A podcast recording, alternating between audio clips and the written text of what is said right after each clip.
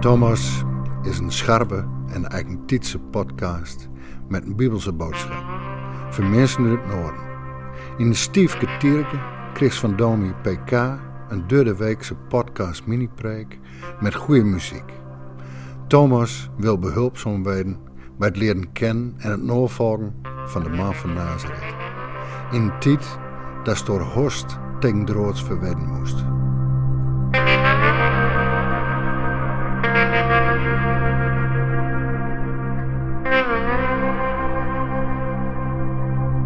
De komende weken staan we in deze podcast stil bij bepaalde figuren en gebeurtenissen uit het Bijbelboek Handelingen. En vandaag luisteren we naar de welkomstspeech van Barnabas voor nieuwe gelovigen. En zijn boodschap blijkt op het eerste gezicht een beetje suf en ouderwets, maar als je er wat langer over nadenkt, blijkt zijn speech eigenlijk verrassend sterk en actueel. En je zou zijn boodschap kunnen samenvatten met een bekende Groningse bemoediging, kop de veur. Maar voordat ik daar meer over vertel, luisteren we eerst naar dat verhaal over Barnabas met Handelingen 11, de versen 19 tot en met 25.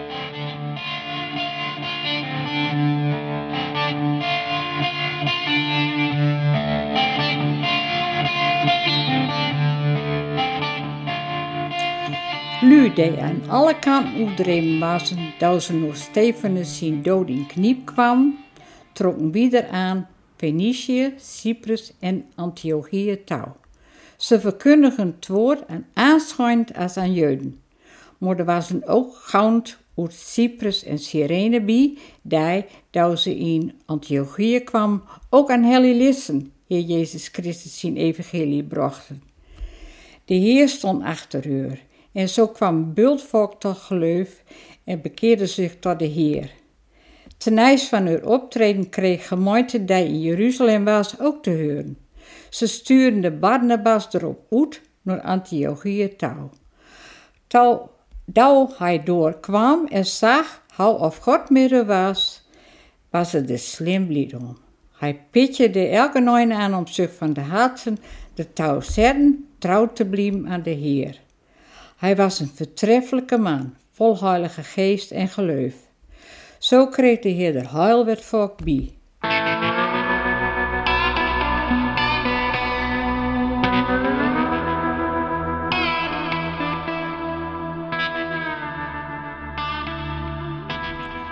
Wanneer heb jij voor het laatst aan iemand een eh, appje gestuurd om diegene sterkte te wensen? Ik weet niet of je het herkent, maar ik vind het dan altijd wel lastig om de juiste woorden te vinden. Wat schrijf of typ je bijvoorbeeld aan iemand van wie de relatie net uit is gegaan? Iemand die is gezakt voor zijn of haar examen. Of iemand staat op het punt om naar de begrafenis van zijn of haar oma toe te gaan. Wat schrijf of typ je op zo'n moment? Ik ben niet zo van de kaartjes sturen, maar laatst hebben wij er eentje gestuurd naar een pasgetrouwd stel. En vaak schrijf je dan zoiets op als veel geluk samen, veel zegen, positieve boodschap. Maar wat moet je opschrijven aan iemand die net tot geloof is gekomen? Iemand die zich wil laten dopen of die net belijdenis heeft gedaan. In deze podcast hoor je hoe een invloedrijke pionier van de nog jonge kerk in Jeruzalem dat doet. En je zou verwachten dat hij een positieve boodschap heeft. Maar eigenlijk is zijn tekst onopvallend, degelijk, niet echt hip en ook niet van deze tijd. Toch zal je merken dat zijn woorden herwaardering verdienen en voor jou echt wel van waarde kunnen zijn. Het thema bij deze podcast mini-preek is Kop de Veur. Blijf bij het voornemen van je hart.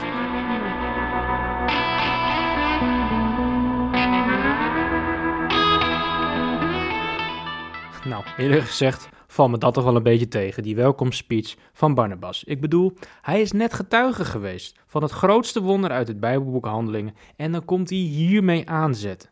Het grootste wonder van dit Bijbelboek is namelijk niet het vlammetje boven hun hoofd, de bekering of schipbreuk van Paulus of het hemelse tafellaken voor de lunch van Petrus. Nee, het grootste wonder in dit boek is een dubbel wonder van tussen de oren.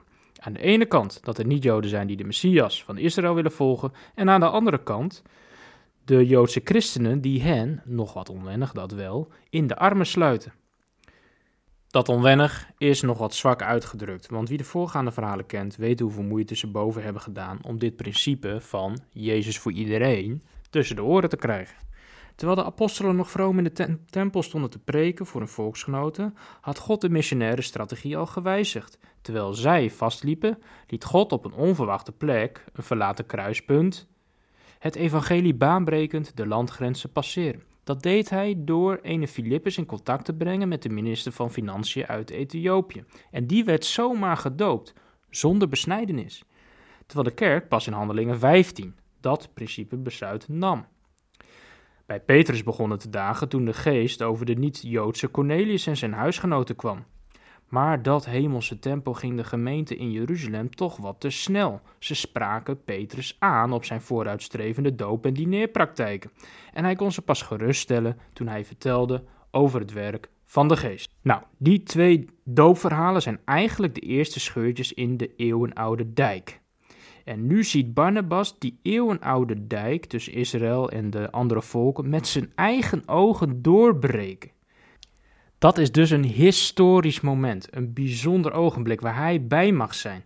En ja, hij is vol vreugde en hij is enthousiast, maar, maar let eens op wat hij dan zegt tegen deze nieuwe niet-Joodse gelovigen. Je zou nu toch een ronkende welkomstspeech verwachten. Zoiets als van harte welkom. Wat schitterend dat jullie erbij willen horen. Ga met God en hij zal met je zijn. Samen veel geluk en zegen gewenst. Nou, nee dus. Let maar op wat hij wel zegt. Wees standvastig. En blijf bij het voornemen van je hart. Dat zeg je toch niet op zo'n bijzonder moment? Op deze manier verliest het christelijk geloof toch meteen de concurrentiestrijd met al die andere religies op de veelzijdige zingevingsmarkt van de multiculturele wereldstad Antiochië. Straks kom je nog bekend te staan als degelijk saai, star en conservatief. Dat wil je toch niet? Nou, toch zijn deze paar woorden van Barnabas zo gek nog niet. Om dan mee te maken moet je weten wie Barnabas is en wat hij met zijn boodschap bedoelt. Barnabas is namelijk een charismatische kerkleider. We zijn hem wat vergeten omdat we nu eenmaal geen brieven van hem hebben. En deze kennismaking is daarom meteen even een klein eerherstel. Hij is een man met lef, want hij verkocht zijn akker. En hij durft het aan om op Paulus af te stappen na zijn bekering. Terwijl iedereen dacht dat die een undercover spelletje aan het spelen was. Dat hij leviet is, betekent dat hij bij de niet-Joodse bekeerlingen het blijvende belang van de band met Israël kan waarborgen en hen ook duidelijk kan maken wat het betekent dat je bij een familie komt die een nieuwe manier van leven probeert zichtbaar te maken. Het steeds meer gaan lijken op Jezus Christus en hem volgen. En daarnaast is hij als Cypriot echt een man van deze wereld. En dat maakt zijn speech actueel en relevant.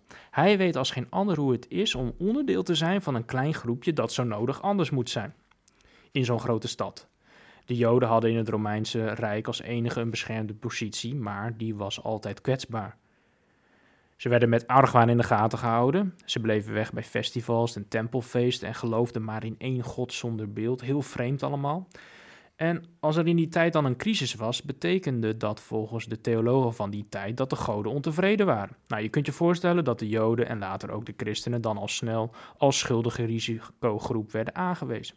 Op zulke momenten was de religieuze tolerantie een heel dun laagje Romeinse beschaving. Je hoorde als christen toen, net als vandaag, bij een klein groepje christengekkies die in sprookjes geloofden.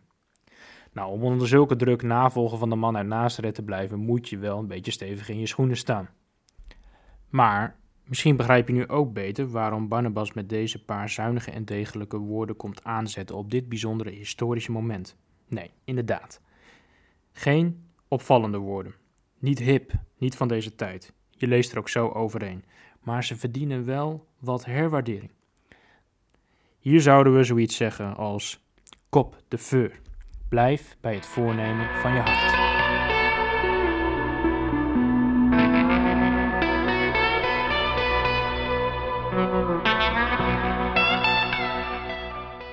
Nou, ik mag die Barnabas wel. Hij komt niet met vrome praatjes over rust, geborgenheid, zegen en geluk aanzetten. Het is bij hem meteen bittere ernst. Hij is gewoon eerlijk. Geloven is moeilijk. Het is een kwestie van volhouden. Kop de feur. Volgens mij is dat een actuele boodschap, want trouw, commitment en verbondenheid, ja, dat is wel een dingetje vandaag. En dat bedoel ik niet negatief als oordeel, maar kiezen, commitment, je blijft het verbinden. Ja, dat is in een tijd van keuzestress gewoon lastig. Hoe weet je nu zeker of je vriend of vriendin echt de ware is? En wordt het niet eens tijd om naar een andere leuke baan uit te kijken? En als je opleiding tegenvalt, is het dan niet beter om volgend jaar een andere studie te kiezen? Nou, dat zie je natuurlijk ook terug in het geloof en in de kerk.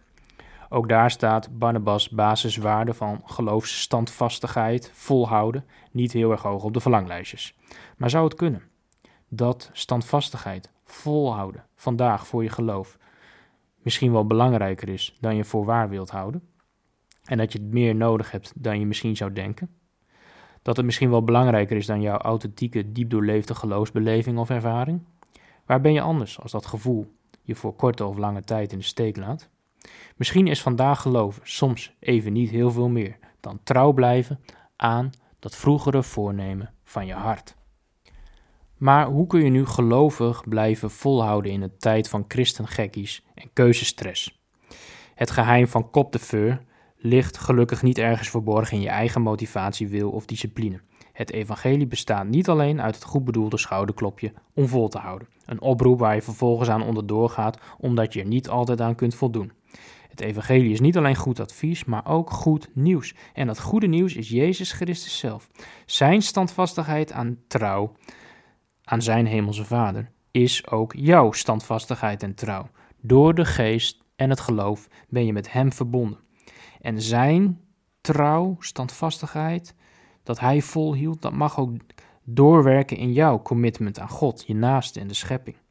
Jezus is dus zelf het goede nieuws. Wat hij heeft gedaan, deed hij ook voor jou. Commitment regel je niet zelf. Je mag het vragen om het te ontvangen. En dan kan je dankzij de man uit Nazareth zeggen: Kop de veur. Ik blijf bij het voornemen van mijn hart.